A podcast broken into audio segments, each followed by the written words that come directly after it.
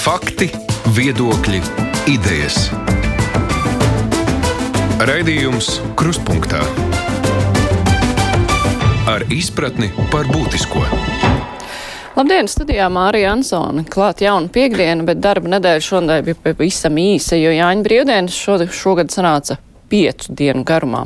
No vienas puses patīkam, bet no otras garajās brīvdienās vienmēr bijuši riski par lielāku nelaimes gadījumu skaitu. Tomēr arī īsajā darba nedēļā bija svarīgi notikumi, piemēram, satversmes tiesas spriedums par garantētā minimālā ienākuma līmeņa neatbilstību satversmē.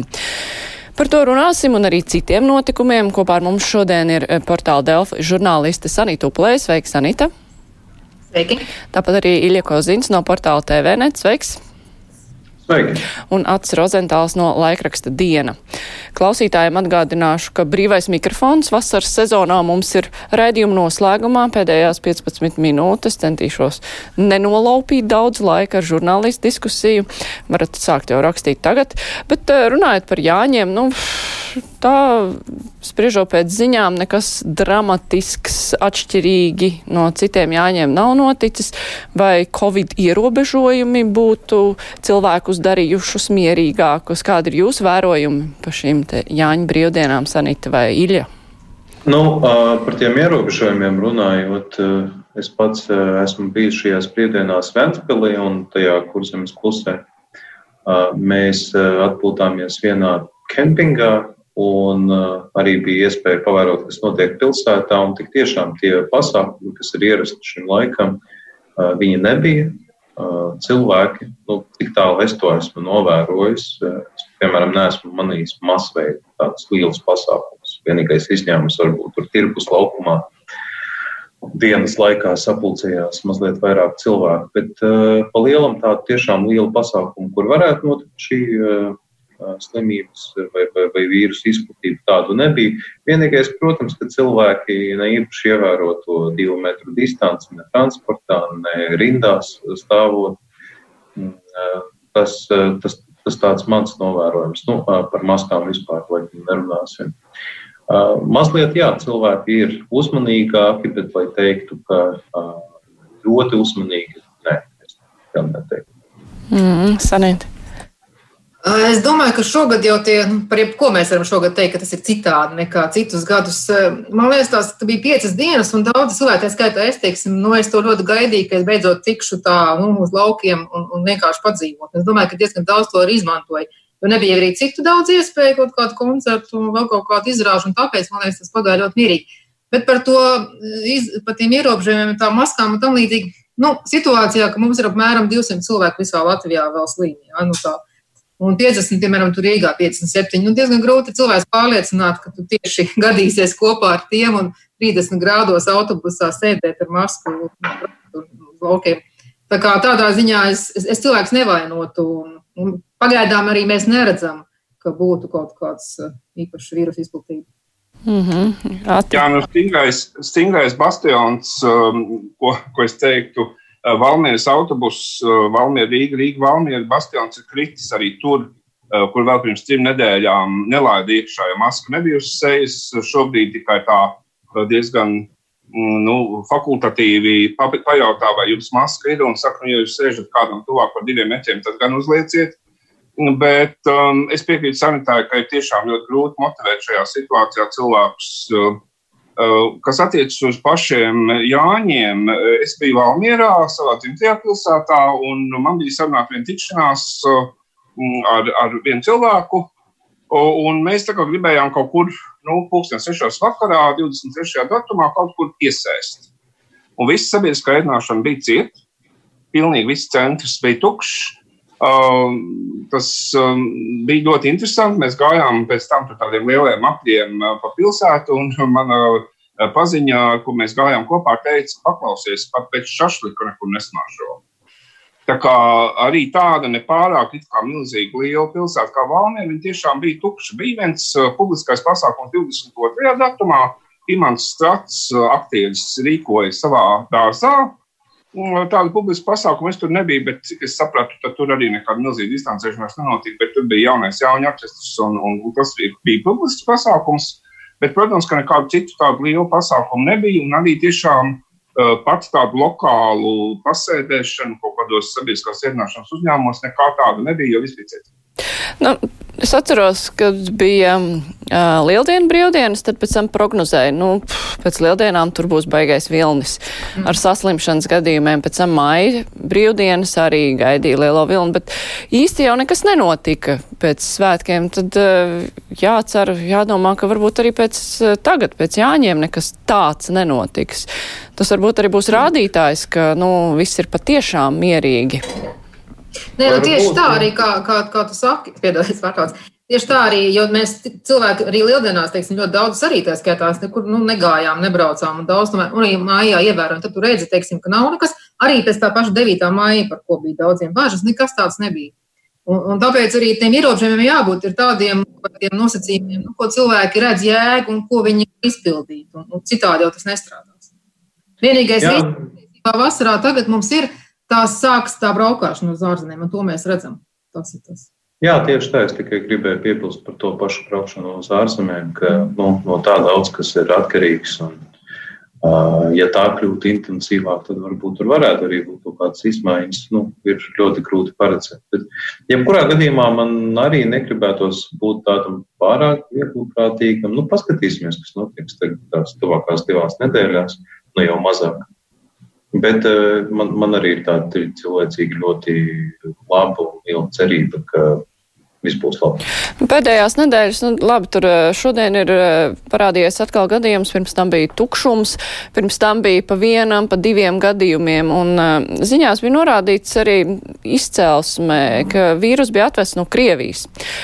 Tur var braukāt darba darīšanās, un tagad arī pilsētā Jūrmalā īpaši, vai uz Jūrmalas šoseis var redzēt, vairāk ir mašīnas ar Krievijas numuriem. Tas nozīmē, ka kaut kāda kustība notiek, bet vai ir pārliecināts, pārliecība, ka tiek kontrolēts arī nu, šo cilvēku plūsma, vai viņi tiešām ievēro pašizolāciju, vai šajā ziņā, jo Krievija ir no tām valstīm, nu, kur, kur ir patiešām bīstami šai ziņā, vai ir pārliecība, ka tam tiek sekots, kas notiek ar cilvēkiem, kas braukātais darba darīšanās.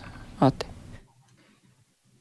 Man ir tiešām grūti spriest. Es ceru, ka tiek sakots. Jo, principā, jau katru, kurš šāso robežu vajadzētu tomēr uzskaitīt. Un, un ja, ja jau mums šobrīd uh, ir patīk šai valstī, teiksim, ar visām aplikācijām un visu tā, tā mm, kustību mēģināt izķert, kur, kur, šā, kur šis vīrus pārvietojas, tad uh, cilvēkiem, kurš šeit iebrauc, pilnīgi noteikti būtu kaut kādā veidā jāpievērš uzmanība.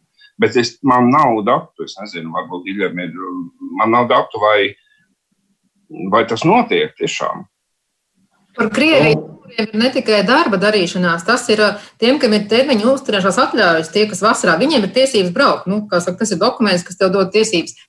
Un viņiem ir jāpaliek pašizolācijā. Nu, iespējams, ka tie cilvēki varbūt ir arī bijuši. Nu, tā mēs nevaram visu turēt aizdomās. Teiksim, tagad, ka, nu, tas, ka mēs redzam mašīnu, ka braukā, viņš varbūt divas nedēļas jau ir bijis nosēdējis. Bet es, es pieņemu, ka policija seko līdzi. Nu. Jā, es, es arī domāju, ka seko, jo citādi nu, ir jau pietiekoši liels laiks pagājis, eh, kad ir eh, teiksim, atsākušies šī pārvietošanās. Un es domāju, ja kaut kas tiešām uh, slikts notiktu, tas ir, ja piemēram teorētiski iebrauktu tur uh, noteikts daudzums, teiksim, 10, 20 vai vairāk cilvēku, kam būtu kontakts ar Covid saslimušiem vai kuri paši būtu saslimuši, tad mēs jau nu, justu sekas pagaidām īsti nejūtam, tā tad viss ir kārtībā.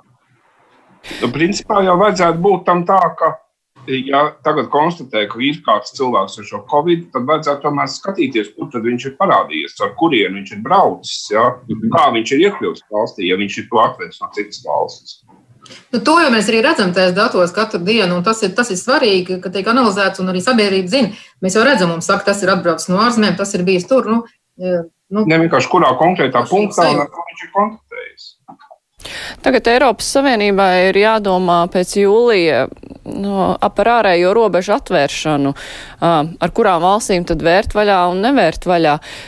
Nu, līdz šim ir bijuš, bijis tas kritērijs saslimušo skaits uz 100 tūkstošiem, lai tas nepārsniegt Eiropas Savienības vidējo līmeni, un tad sanāk tā, ka Amerikas Savienotās valstis arī iekrīt nu, tādā kompānijā ar valstīm, ar kurām tā varbūt negribētu būt kompānijā, vai Eiropas Savienībai nu, tādu politisku iemeslu dēļ vajadzētu piekāpties runājot par kaut kādu epidemioloģisko drošību, kā jums šķiet? Nu, es tomēr domāju, ka cilvēku veselība ir svarīga diezgan svarīga, lai tomēr kaut kādu laiku vēl paturētu tos ierobežojumus. Uh, bet, nu, atkal te ir jāsaprot vienmēr uh, tuvākajā laikā, uh, un ar to es saprotu, es nezinu, varbūt pat pusotru gadu, kamēr atradīs vakcīnu, būs jāsamierinās ar šie, šo līdzsvaru meklējumu starp tiem epidemioloģiskiem ierobežojumiem un ekonomiku, jo nevar vienkārši tā paņemt un to apturēt uz ilgu laiku, jo tad būs kārtējā krīze un nu, viss būs zaudētāji. Tāpat veselības aprūpas nozare. Tāpēc es domāju, ka tā, tās puses noteikti meklēs kaut kādus kompromisus, bet, jautā, ja, ja tu jautā man personīgo viedokli, tad es tomēr uzskatu, ka primārām ir jābūt sabiedrības, sabiedriskās veselības interesēm un uh, varbūt nu, paciesties, kur tas ir iespējams, bet tikai lai lai nepieļautu šīs slimības tālāku izplatību. Bet tas tikai mans viedoklis. Es nezinu, kā to tīri tehniski var atrisināt. Iespējams, jau ka teiksim, Amerikas Savienoto Valstu gadījumā tā ir milzīga valsts. Tomēr, un, ja tur ir uh, dažāda šī situācija, dažādos štatos, tad varbūt kaut kādā tādā veidā var, var to risināt. Bet, bet es tagad pilnīgi, kā teikt, uh, uh, sapņoju par to, jo es nezinu, vai tas, vai tas ir tehniski tādā veidā diplomātiski un, un arī tehniski izdarāms, un vai notiek tur teiksim, brīva pārvietošanās starp, starp štatiem. Mm, jo, jo, jo tad varētu, teiksim, ja vienā pusē Amerikā ir, ir labāka situācija, un otrā ir sliktāka, tad, tad kaut kādā veidā diversificēt.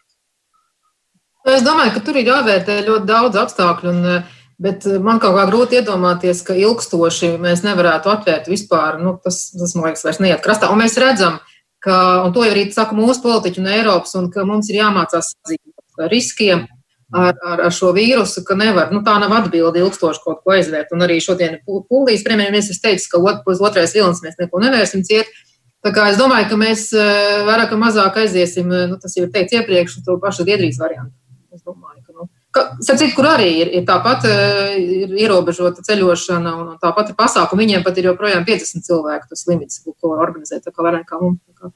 Man ne, netic, bet es saprotu, ka tie nebūs viegli lēmumi valstu vadītājiem. Pieņemt, tie nebūs viegli.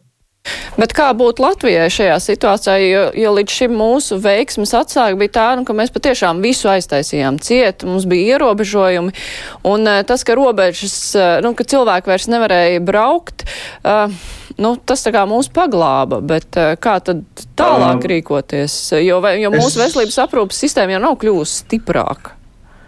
Es tomēr nelīdz galam gribētu tev piekrist.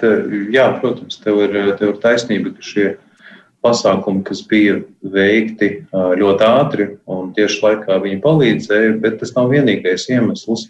Vēl ir jāņem vērā tas, ka Latvijā iedzīvotāju blīvums nu, ir salīdzinoši tāds neliels. Mums, jā, pusi iedzīvotāji faktiski dzīvo galvaspilsētā un lauka teritorijās, novados, citās pilsētās to cilvēku ir mazāk. Kas būtu jādara?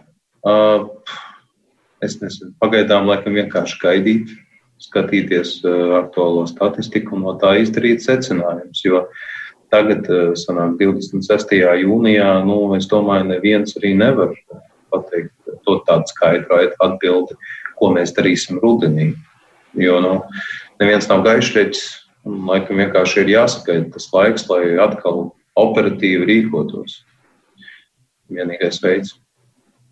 Es nepiekrītu, ka mēs aiztaisījām, nu, mēs robežu aizvērām ciet un vēl kaut kādu laiku, kamēr arī tie, re, nu, mēs repatrijām cilvēkus. Bet kopumā jau ierobežojumi Latvijā nebija nemaz tik stingri kā citur. Un kas ir interesanti, ka, piemēram, tajā pašā Lielbritānijā, kur jau tad, kad viņi aiztaisīja, bija, nu, tiešām, nu, lockdown saucamais, ka tu nevari iet ārā no mājas. Un vienalga tā slimība ļoti izplatījies, arī mirstība. Nu, tas, kas ir pētījumos redzams, arī, ka patiesībā ir arī dažādi apstākļi, piemēram, ģenētiski, teiksim, ka ir atšķirīga tā, tā slimības gaita un mirstība dažādas izcelsmes cilvēkiem. Tur arī tādi, es domāju, faktori, kā varbūt, ka mēs esam kaut kādā veidā arī ģenētiski, zinām, pasargāties citu izskaidrot. Nē. Um, nu jā, tā kā tur īstā tā nevar vērtēt, varbūt tās, tā problēma lielākā ir, ka tie skaitļi nav salīdzināmi. Mēs skatāmies un skatāmies, un ja tu sāc jau dziļāk pētīt katras valsts skaitļos, tu nevari salīdzināt ar savas valsts skaitļiem. Tas ļoti apgrūtina situāciju. Un tas ir tas, ko arī saka, un eksperti atzīst. E, ka viņi par to vīrusu uzzina. Nu, mēs uzzinām, tā saka, nu, dzīves gaitā, ka par viņu ir tik maz zināms, un mēs atklājam kaut ko vienu jaunu un jaunu. Tieši tāpēc ir grūti prognozēt, varbūt, ko, ko darīt ilg, ilgākā termiņā.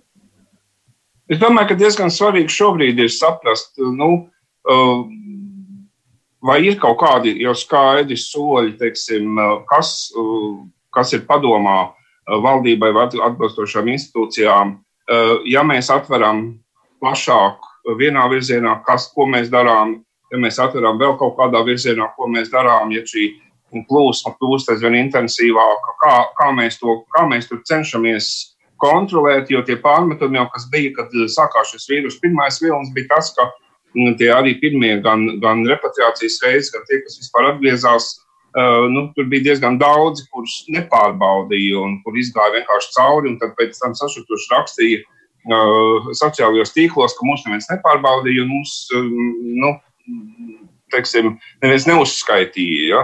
ja tagad šī sistēma ir, ir salikta beidzot, kā teikt, uz kājām un, un šī kontrola notiek daudz kvalitatīvāk, tad ir cerība, ka, ka mēs varēsim izsekot līdz tam, kas, kāda ir šī dinamika vienā vai otrā virzienā. Jā, labi. Es domāju, ka mēs varam pievērsties arī citiem jautājumiem. Es tikai atgādināšu klausītājiem un Latvijas televīzijas skatītājiem, ka šodien kopā ar mums ir no portāla Delfi žurnālists Sanita Tuplēja, Iļa Kozīns no portāla TVNet un Ats Rozentāls no laikraksta Diena. Raidījums Krustpunktā. Jā, vakar satversmes tiesa pasludināja spriedumu, kurā tika apmierināta tiesības sarga prasība par garantētā minimālā ienākuma līmeņu. Tas šobrīd ir 64 eiro neatbilstību satversmei. Kā jums šķiet, vai tagad, kad ir bijis satversmes tiesas spriedums, vai ir gaidāma kāda revolūcija šai jomā, vai arī nu, būs tā kā iepriekš, nu, mediķiem arī algas bija likumā garantētas un netika pieliktas, vai kaut kas sakustēsies? Nabadzība nabadzības mazināšanā. Kādas ir jūsu prognozes? Nu, to, kas akustēsies, tas ir viennozīmīgi, bet jautājums ir, kas tieši. Un tas, kas notiks, ir, būs laikam, kārtējās likuma izmaiņas. Jo es tā saprotu, ka pēc šīs satversmes tiesas sprieduma tagad būs pirmkārt jāpamato, jāizstrādā vispār metode, kā ir nosakāms šis garantētais, garantētā ienākuma līmenis un uh, būs arī jāizstrādā sistēma, kā, kā, kā, kā to visu aprēķina. Un uh, šajā virzienā noteikti uh, būs kaut kāda darbība. Politikas veidotāji pie tā noteikti strādās, jo citādi vairs nevar. Bet īstais jautājums, vai kaut kas būtiski mainīsies? Nu, es varu orientēties tikai pēc kādas iepriekšējās pieredzes, ko īstenībā minēja jau tu par tām mediķa algām, bet tas nav vienīgais piemērs. Ir bijis vesela virkne. Nu, nezinu, man, man īsti tās cerības nav, ka notiks revolūcija. Varbūt solis pareizajā virzienā, jā, bet lai kaut kas būtiski mainītos, nu, nezinu, tiešām šaubos. Tas, kas man drusku kaitina šajā situācijā, ir tas, ka mm, es domāju, ka diezgan daudz jau varētu prognozēt, kā satversmes tiesa pateiks, ka tā summa ir par mazu, jo tā acīm redzam ir ļoti niecīga.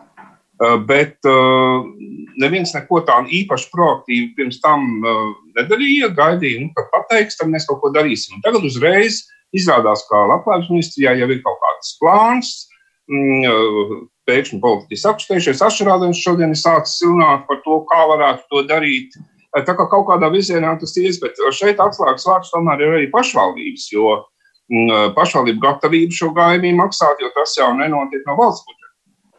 Un uh, mēs jau šobrīd zinām, ka šobrīd uh, gājumī uh, pašvaldībās ir atšķirīga summa. Uh, ir pašvaldības, kas arī diferencē šo gājumī atkarībā no tā, kādu kategoriju to saņem, vai cilvēks darbspējas vecumā vai, teiksim, pensijas vecumā, vai cilvēks ar invaliditāti, šīs summas atšķiras, piemēram, Rīgā diezgan būtiski. Un līdz ar to sistēmai kaut kādai ir jābūt, bet ir jābūt arī izpratnē par to, vai šīs pašvaldības, jo tagad līdz šim, tagad ļoti daudzos komentāros parādās tas, Valdība katru gadu ir teikusi pašvaldību savienībai, ka gājumi ir jāceļ, un pašvaldības vienmēr ir bijušas pret.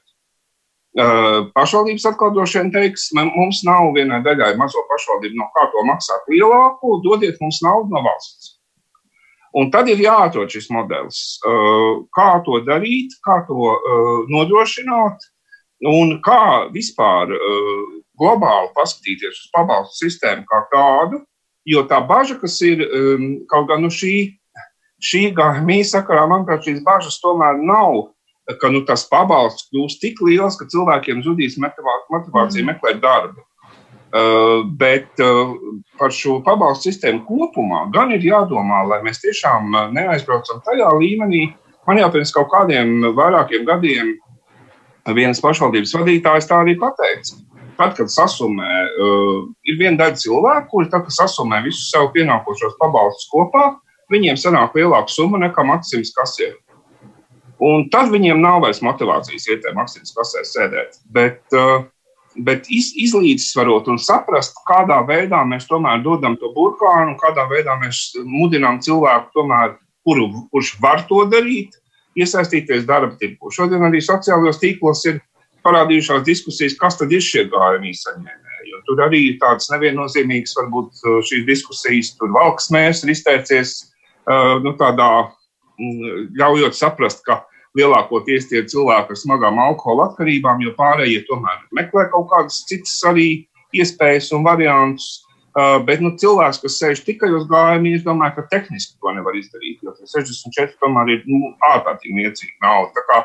Vienkārši jādomā, kā vispār visu pavalstu sistēmu sakārtot un pārkārtot. Un tas gan ir labklājības ministrijas uzdevums.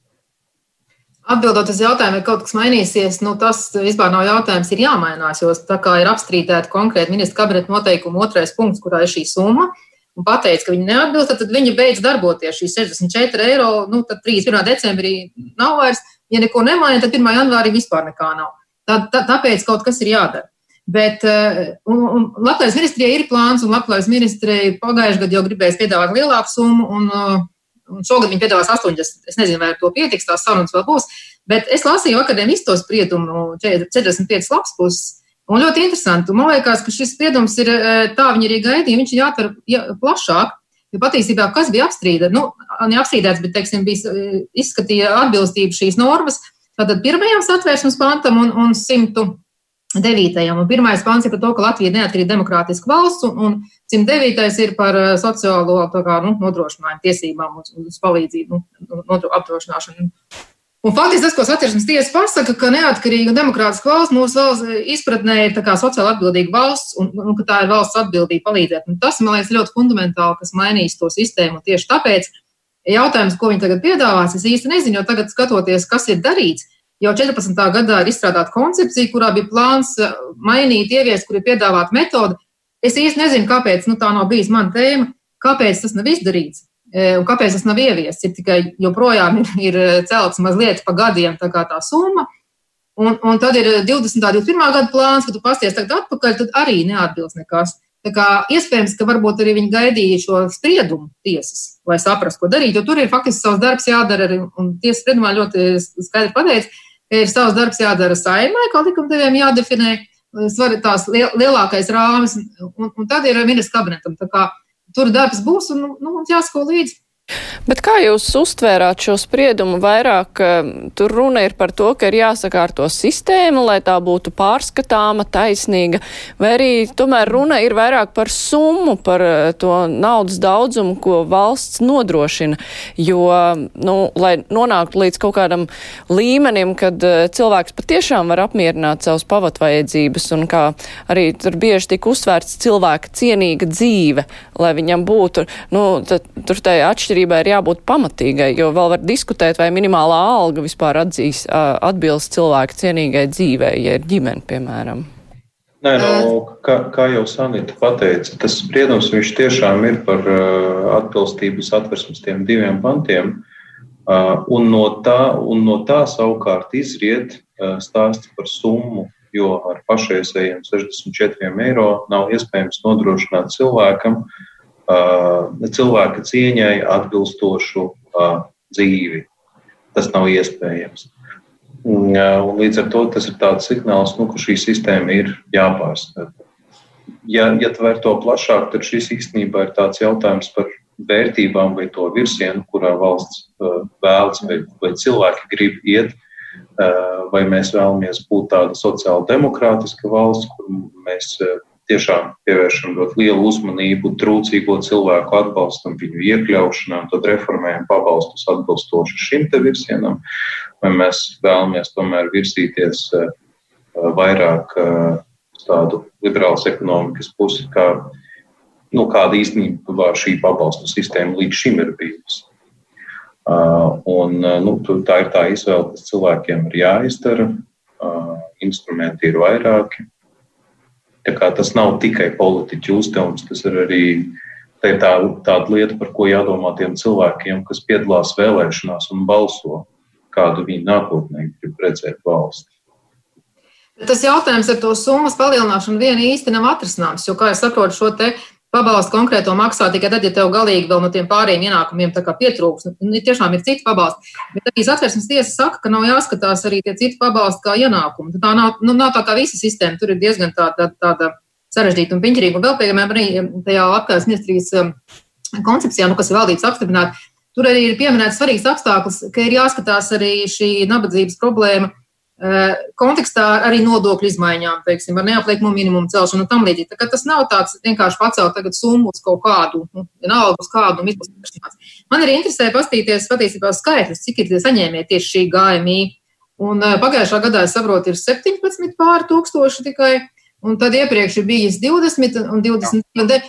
Pārsakot, tas arī samazinās. Tas arī kaut ko rāda. Bet, nu, protams, eh, tas, ka to maksā pašvaldības un ka pašvaldībām ir dažāda rocība, nu, tas īsti arī, nu, tas arī pateiktais spriedumā faktiski, ka cilvēks jau nevar būt e, sodīts, ne, nevar tikt par to, kādā pašvaldībā viņš dzīvo. Teiksim, ja viņam šīs cilvēku cieņai nepieciešamās pamata vajadzības ir, tad viņas ir visur vienādas, vairāk vai mazāk.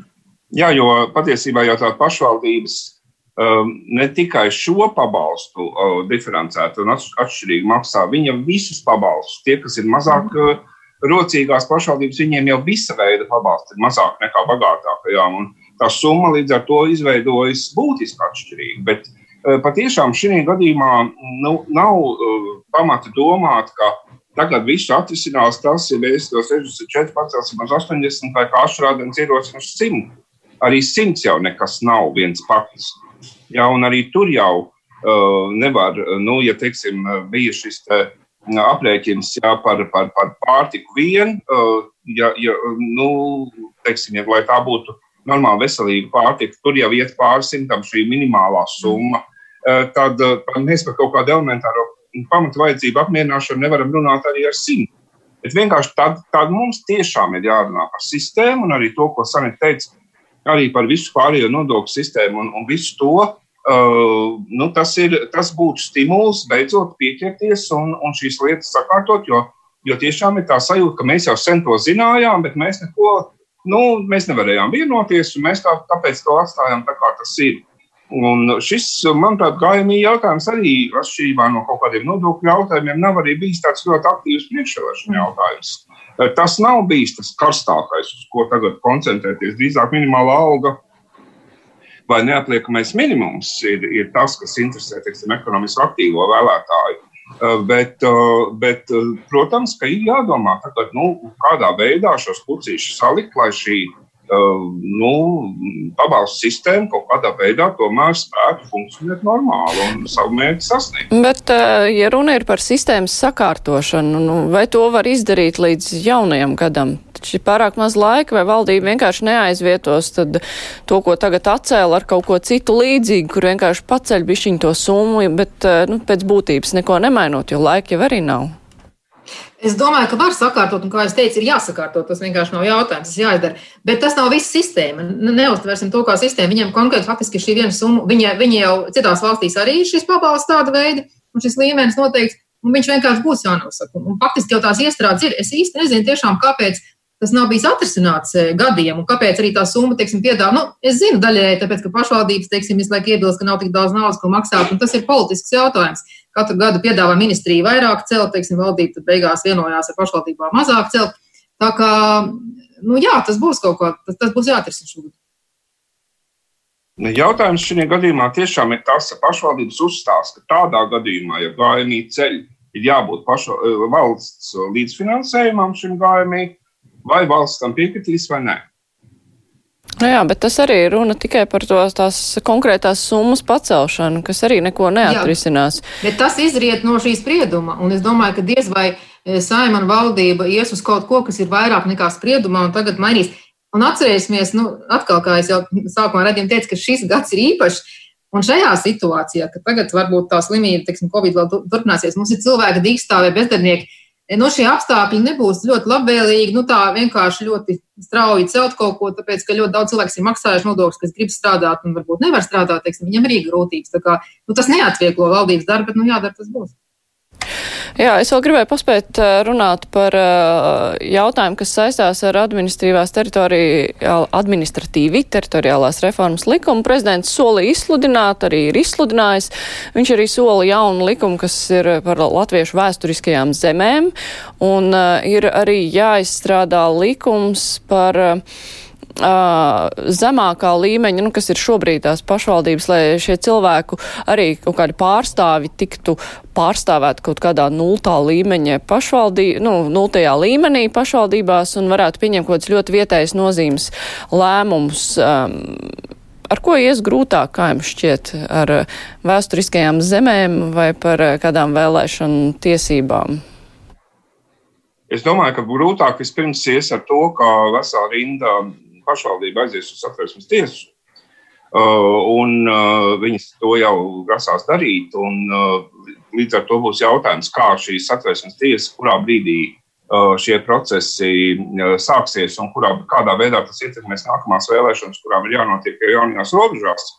Jo es domāju, ka nultais līmenis ir tāda kļavas lapa, druscīt, vai, vai kāda cita lapa, ar ko mēģina kaut kā aizlāpīt to viena no tām pretenzijām, kura ir izskanējusi nereizi vien, ka līdz ar šīm jaunajām lielajām pašvaldībām cilvēks eh, tiks eh, fiziski atrauts no, no tās svaras, jo mazajās pašvaldībās, nu, Rīgā jau tas nav tik izteikts, vai kaut kādās, teiksim, riepājā, bet mazajās pašvaldībās cilvēks tiešām ir pieredzējis pie tā, ka viņš tieši vēršas pie savu deputātu, viņš pieiet viņam uz ielas klāt un saka, ko jūs tur darāt. Un, Un, uh, tagad tas nebūs iespējams, jo tagad lielākā daļa deputātu tomēr būs attālināti no, no šiem cilvēkiem. Uh, līdz ar to uh, šī sajūta, ka viņi kaut kādā veidā tiek iesaistīti, tiek risināta caur šo nulles līmeni. Bet ir jau līdz galam jāpasaka, ko šis nulles līmenis lems.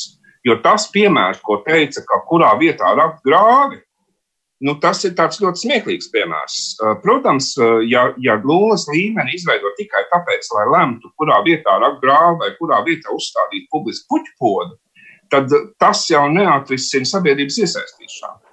Um, bet tas, kas šobrīd ir nu, pirmais, pirmais galvenais, ko, protams, saima nerisinās un, un, un kas būs ļoti izšķirošs reformai, tas būs tas, kādā veidā notiks šo pašvaldību, nu, nu, svaigi apvienoto pašvaldības sarunas par to, kādas šīs lielās pašvaldības būs, jo šīs sarunas būs ārkārtīgi smagas.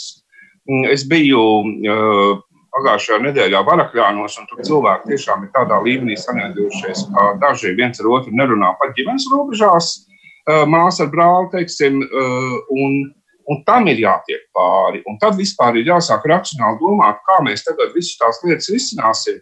Jo ļoti daudzās pašvaldībās ir iestrādātas šīs būtnes. Ir tie neapmierinātie cilvēki, kuri principā strādās pret šo uh, jauno sistēmu un, pret, un, un strādās pēc principa, jo sliktāk, jo labāk. Un tas ir tas, ko, ko nevar atrisināt arī valsts prezidents no, no pilsētas. Jā, es pilnībā piekritīšu šoreiz, jo viss, kas ir ierakstīts valsts prezidenta rīkojumā, izsludināšanas rīkojumā, proti par šiem vairākiem likuma projektiem, kas būs jāizstrādā un jāpieņem saimai. Tas tiešām šajā gadījumā nav pats grūtākais. To, protams, izdarīs. Daudz grūtāk ir šīs pašvaldību sarunas, kas, kas var būt ļoti neparedzamas. Tur tiešām ir ļoti grūti kaut ko spekulēt. Nu, skatīsimies, kā ies, bet jā, viennozīmīgi būs grūti un tiešām arī ilgstoši. Par nulles līmeni ir tā, ka to pirmie piedāvā Nacionāla apvienība uz otro lasījumu.